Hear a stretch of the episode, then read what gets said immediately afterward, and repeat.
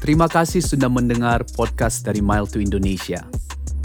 Mile to Indonesia membagikan kabar baik dari Tuhan kita Yesus Kristus kepada semua orang di muka bumi ini dengan memberi penguatan setiap minggunya melalui firman Tuhan. Pelayanan kami dapat terlaksana atas kerjasama dari para mitra pelayanan online kami, yaitu melalui support secara berkelanjutan dengan pemberian secara online dan seberapapun jumlah yang Bapak, Ibu, Saudara-saudari berikan kepada pelayanan Mile to Indonesia akan sangat membantu kami Mile to Indonesia untuk memberitakan kabar keselamatan kepada ribuan orang setiap minggunya. Jadilah mitra pelayanan kami dengan mengunjungi website kami miletoindonesia.com. Dan sekali lagi, terima kasih banyak atas semua support yang diberikan dan selamat menyaksikan berita firman Tuhan minggu ini. Salam sejahtera dalam kasih Kristus. Puji Tuhan. Terima kasih saudara telah bergabung bersama ibadah online Mile to Indonesia. Saya harap kita semua telah mempersiapkan diri kita untuk merayakan Paskah. Di mana Paskah itu sangat berarti bagi kepercayaan kita. Mengapa Paskah begitu penting bagi kita? Kita akan melihat sebentar mengapa Paskah itu begitu penting bagi orang Kristen. Namun sebelumnya saya mengajak kita berdoa bersama. Tuhan, terima kasih buat kesempatan di mana kami boleh berkumpul bersama-sama untuk merayakan Paskah berbicaralah kepada kami mengapa Paskah itu begitu penting di dalam iman kekristenan kami. Roh Kudus, berikanlah kami hati yang terbuka untuk menerima firman-Mu dan mampukan kami untuk melakukan firman itu dalam kehidupan kami setiap hari. Dalam nama Yesus hamba berdoa. Amin.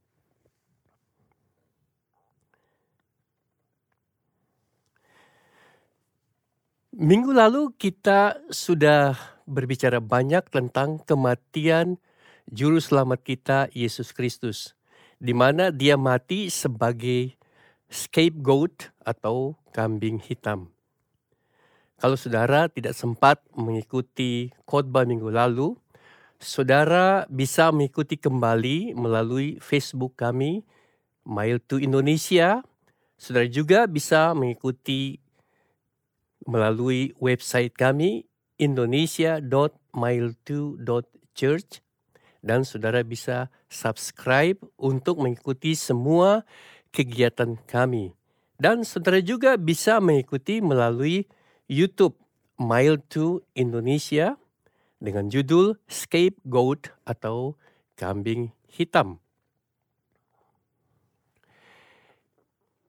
Minggu lalu kita telah melihat bahwa Yesus yang tidak bersalah disalahkan dan dijatuhi hukuman mati untuk menggantikan tempat kita agar setiap orang yang percaya kepadanya tidak mengalami hukuman kekal karena dosa-dosa yang kita warisi dari Adam dan Hawa dan juga dosa-dosa yang kita perbuat. Kita juga telah melihat bahwa dengan kematian Yesus yang dijadikan kambing hitam itu, dia melakukan dua hal yang sangat mendasar dan penting bagi setiap orang percaya. Yang pertama, dengan kematiannya, Yesus mengadakan penebusan bagi dosa-dosa umat manusia. Dengan kematiannya, Yesus telah menyelesaikan dosa manusia dengan membawa dosa dalam dirinya di kayu salib. Yohanes Pembaptis berkata dalam Yohanes 1 ayat 29, saya akan bacakan dari Lembaga Alkitab Indonesia Terjemahan Lama. Lihatlah anak domba Allah yang mengangkut dosa isi dunia. Setelah mengadakan penebusan dosa bagi uh, penebusan bagi dosa manusia, Yesus menghapus dosa kita dari hadapan Bapa Surgawi. Sehingga kita bisa dibenarkan dan hidup dalam kebenaran di hadapan Tuhan. Seperti yang dikatakan Daud di dalam Mazmur pasal 103 ayatnya yang ke-12. Sejauh timur dari barat, demikian dijauhkannya daripada kita pelanggaran atau pemberontakan kita.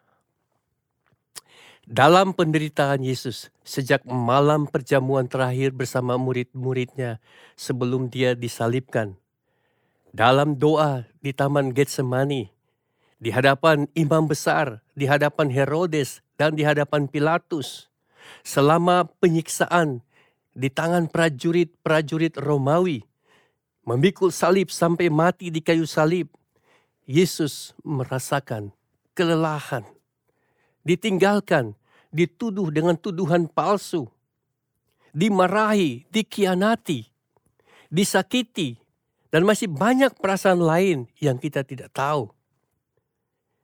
Dia diberi minum yang berisikan mur dan anggur untuk menahan rasa sakitnya, tetapi dia menolak untuk meminumnya. Dia mau merasakan semua perasaan manusia, supaya apabila kita merasakan perasaan-perasaan itu, kita bisa datang kepadanya untuk mengalami kesembuhan dan penghiburan yang sejati.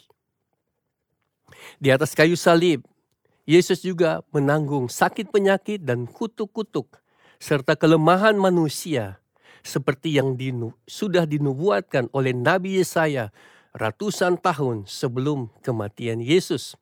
Saudara bisa baca dalam Yesaya 53 ayat 1 sampai ayatnya yang ke-12.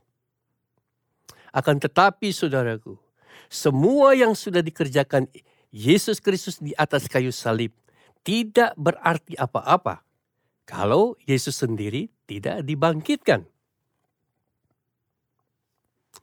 Apabila Yesus tidak bangkit, maka Yesus adalah seorang penipu. Semua yang dikatakan Yesus adalah omong kosong. Semua yang ditulis tentang dirinya dalam Alkitab adalah bualan manusia. Apa yang disampaikan oleh saksi-saksi mata tentang kebangkitannya, seperti Matius, Markus, Lukas, Yohanes, Petrus, Yakobus, Andreas, dan murid-murid lainnya, adalah kebohongan besar. Rasul Paulus berkata di dalam 1 Korintus 15 ayatnya yang ke-14 sampai ayatnya yang ke-19.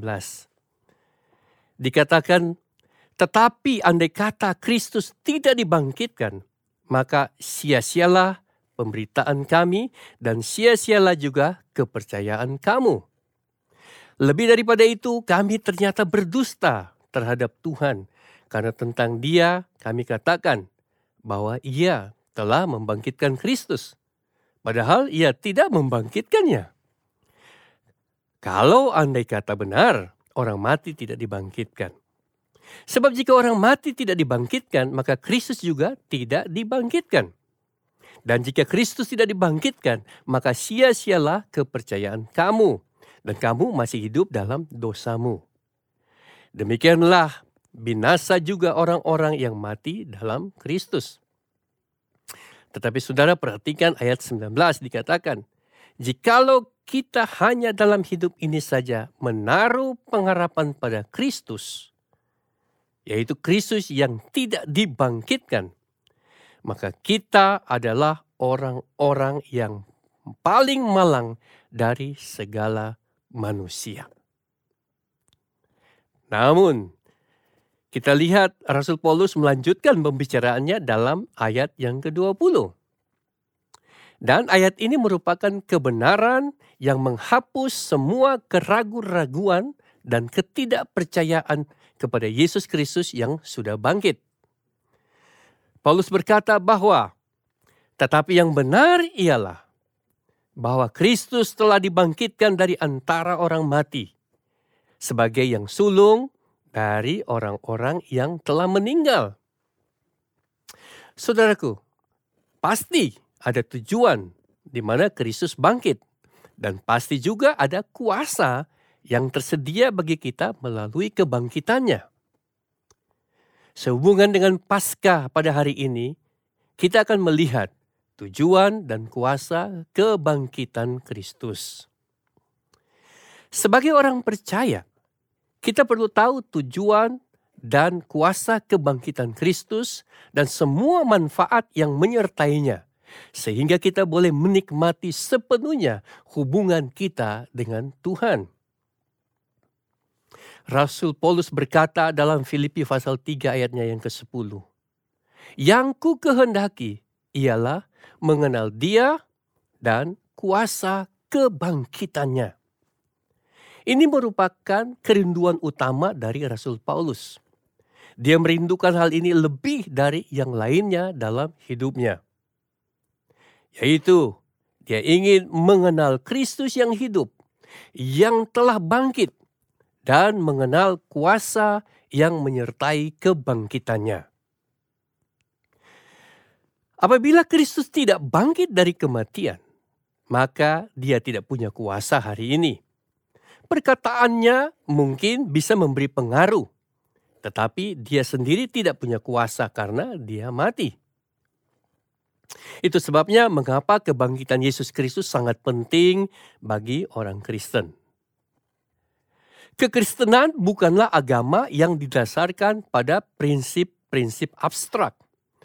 Tetapi kekristenan adalah hubungan dengan pribadi Yesus Kristus juru selamat yang hidup yang bisa kita kenal, yang memberi hidupnya kepada kita dan menguatkan kita dan juga mengubah kita menjadi serupa dengan gambarnya.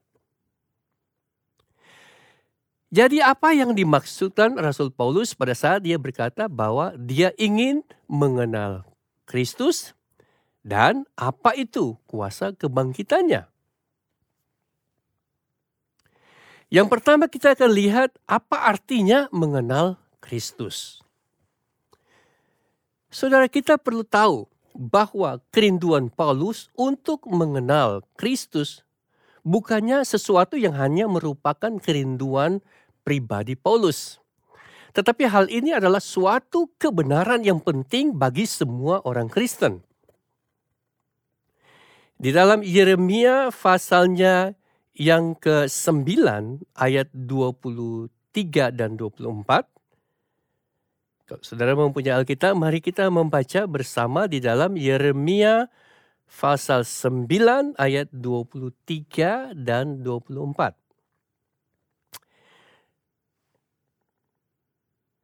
Beginilah firman Tuhan. Janganlah orang bijaksana bermegah karena kebijaksanaannya.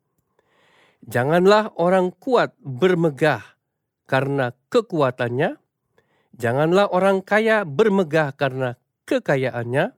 Tetapi siapa yang mau bermegah, baiklah bermegah karena yang berikut. Bahwa ia memahami dan mengenal aku bahwa akulah Tuhan yang menunjukkan kasih setia, keadilan, dan kebenaran di bumi.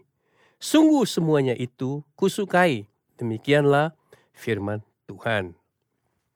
Saudaraku, mengenal Tuhan adalah lebih penting dari memiliki hikmat, kekuatan, atau kekayaan. Di bumi ini kita cenderung kagum kepada orang yang pintar, orang yang berilmu dan berpengetahuan. Atau kita kagum kepada mereka yang kuat, mempunyai bakat, atau mereka yang cantik, atau mereka yang mempunyai banyak harta. Tetapi Tuhan berkata melalui Nabi Yeremia bahwa semuanya itu tidak penting.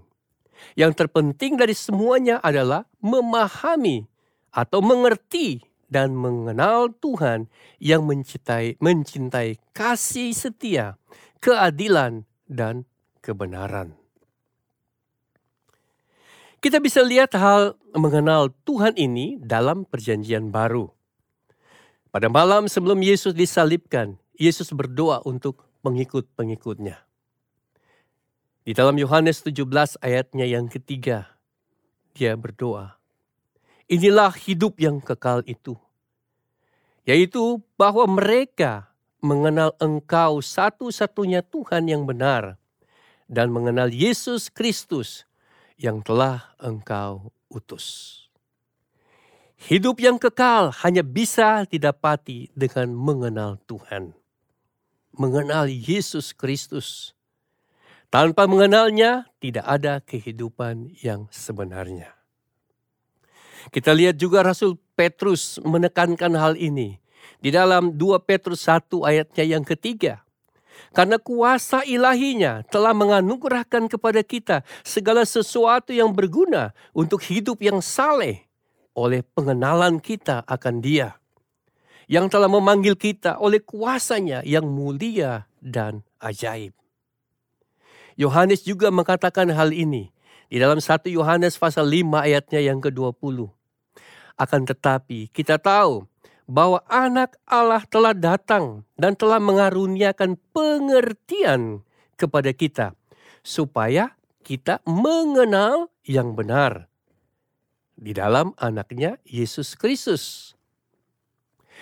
Yohanes berkata bahwa Yesus datang ke dalam dunia supaya kita bisa mengenal Tuhan yang benar. Jadi, tujuan dari penjelmaan adalah untuk mengenal Dia. Ini adalah inti dari pemberitaan Injil. Jadi kita lihat bahwa perjanjian lama, perjanjian baru, kitab-kitab Injil, surat-surat dari Paulus, Petrus, dan Yohanes semuanya setuju bahwa mengenal Tuhan Yesus adalah inti dan sangat penting. Kalau begitu bagaimana caranya kita bisa mengenal Yesus Kristus? Kita bisa mengenal Tuhan dengan mendengarkan khotbah, dari hamba-hamba Tuhan yang setia memberitakan firman Tuhan. Kita juga bisa mengenal Tuhan dengan membaca dan mempelajari Alkitab. Dan juga kita bisa mengenal Tuhan dengan menyaksikan apa yang Tuhan buat di dalam kehidupan orang lain. Tetapi kita tidak boleh berhenti di situ saja. Kita harus melangkah maju dari belajar tentang Tuhan kepada membangun hubungan pribadi dengan Tuhan. Bagaimana kita bisa membangun hubungan pribadi kita dengan Tuhan? Yang utama, saudara harus percaya kepada Yesus Kristus. Percaya bahwa Dia adalah Anak Allah. Percaya bahwa kebangkitan yang kita rayakan benar-benar terjadi. Dan kita merindukan Dia mengubah kehidupan kita menjadi ciptaan yang baru. Kemudian, saudara juga perlu memberi waktu di dalam doa, baik secara pribadi maupun bersama orang-orang percaya lainnya. Dalam doa, saudara bisa membagikan semua sukacita saudara, frustrasi, dan penderitaan saudara kepada Tuhan semesta alam yang sangat memperhatikannya. Dan selanjutnya, saudara dengan senang hati mengikuti perintah-perintah Tuhan yang saudara dengar pada saat saudara belajar firman Tuhan dan berdoa. Walaupun mungkin perintah-perintah Tuhan itu tidak masuk akal bagi saudara.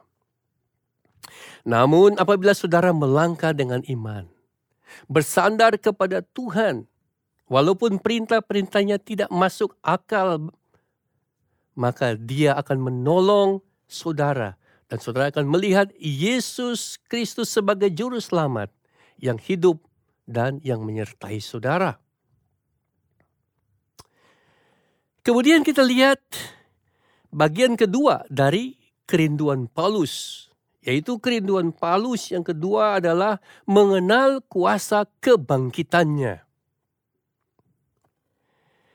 Saudaraku, di sini Paulus tidak mengatakan bahwa dia meminta kuasa yang lebih lagi dari Tuhan.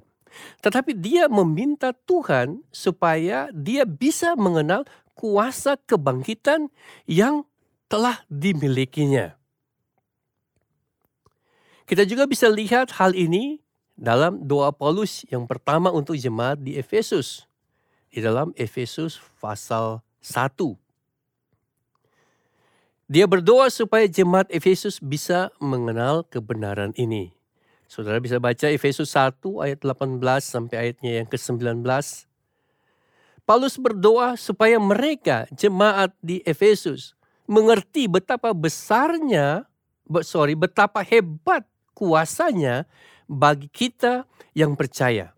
Sesuai dengan kekuatan kuasanya yang dikerjakannya di dalam Kristus dengan membangkitkan dia dari antara orang mati.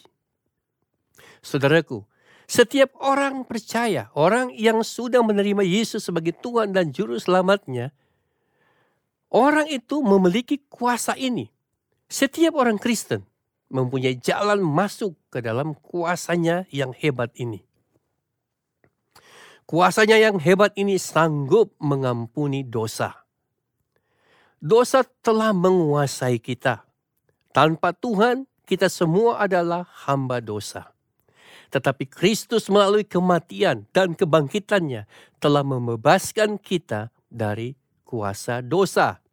Roma 4 ayat 25.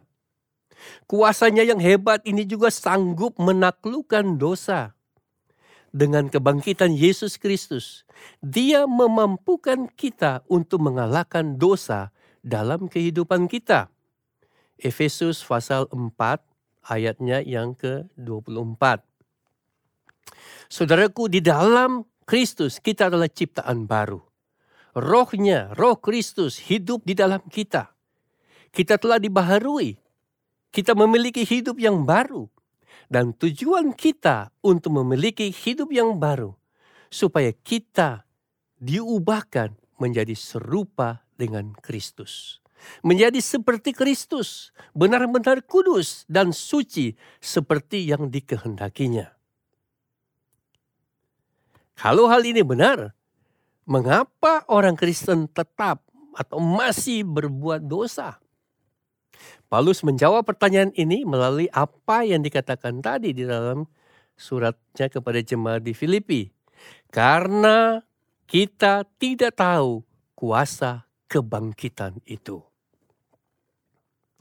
Sebenarnya saudaraku, kita telah memiliki kuasa itu dalam hidup kita pada saat kita percaya.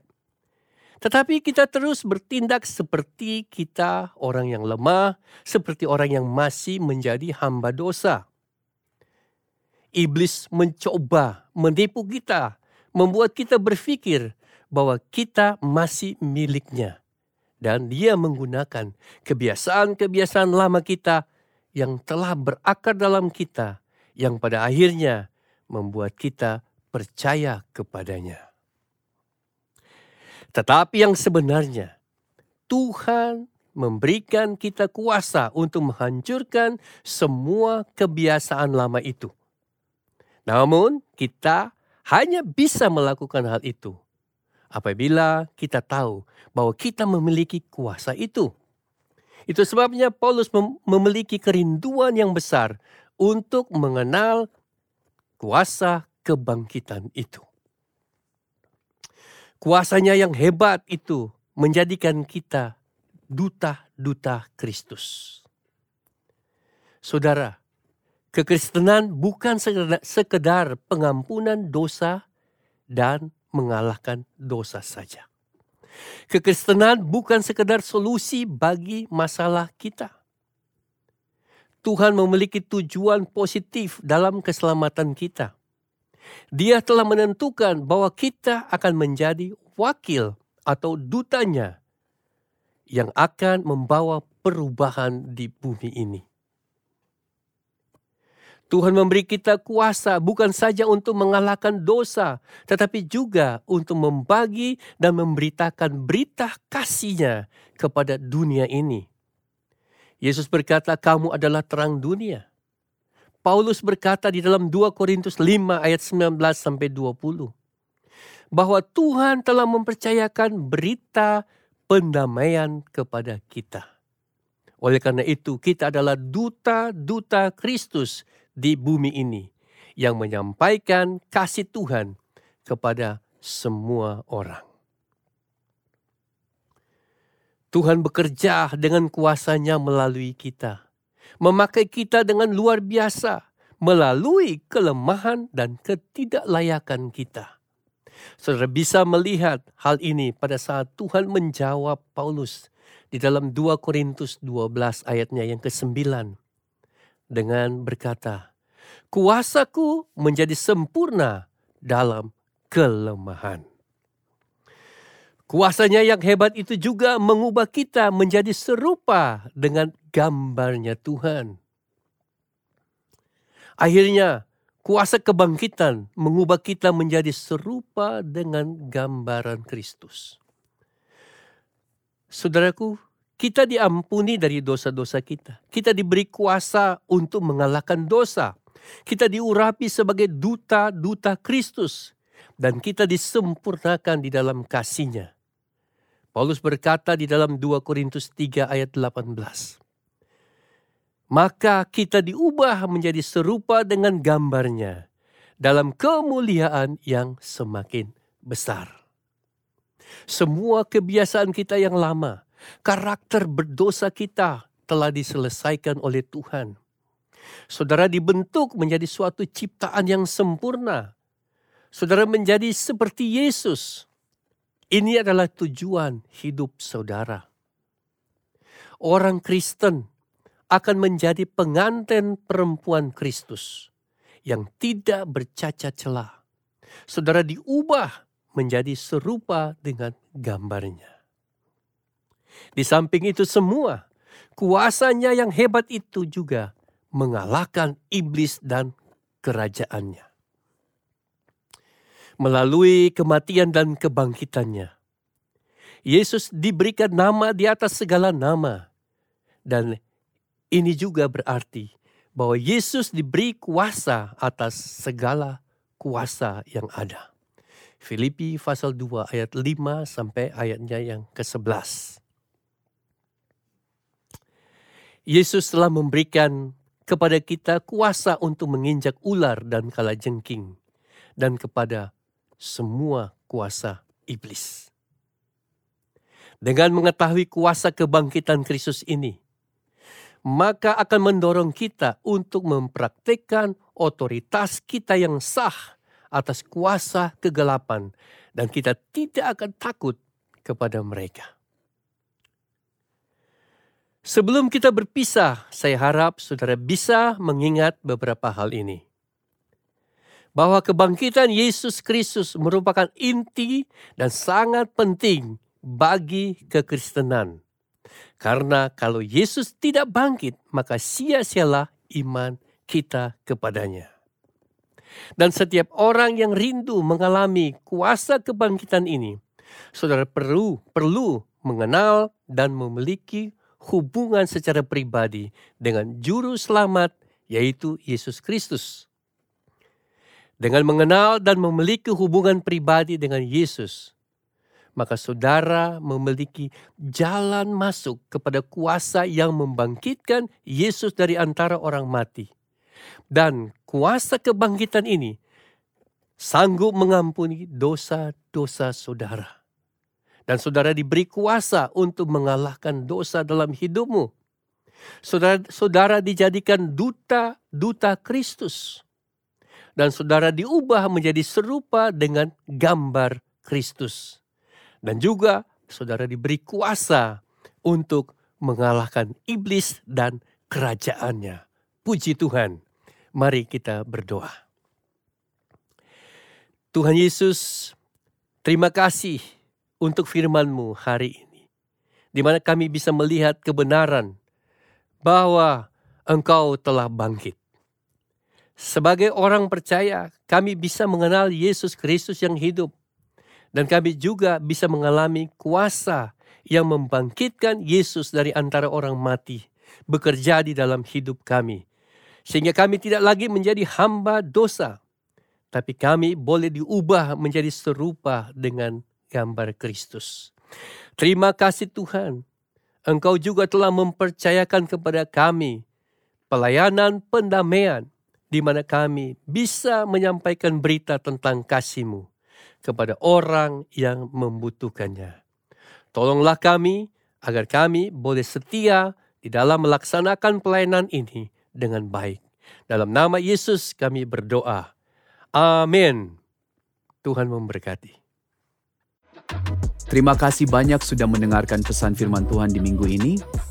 Dan jikalau Bapak, Ibu, Saudara-saudari ingin menghubungi kami selama minggu berjalan, silakan mengunjungi website kami yaitu miletoindonesia.com.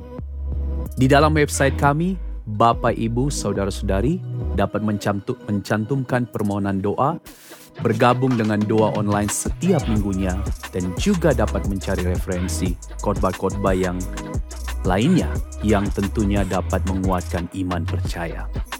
Kami berharap dengan ini semua, cinta kasih kita kepada Tuhan dan sesama terus bertumbuh. Tuhan Yesus memberkati kita.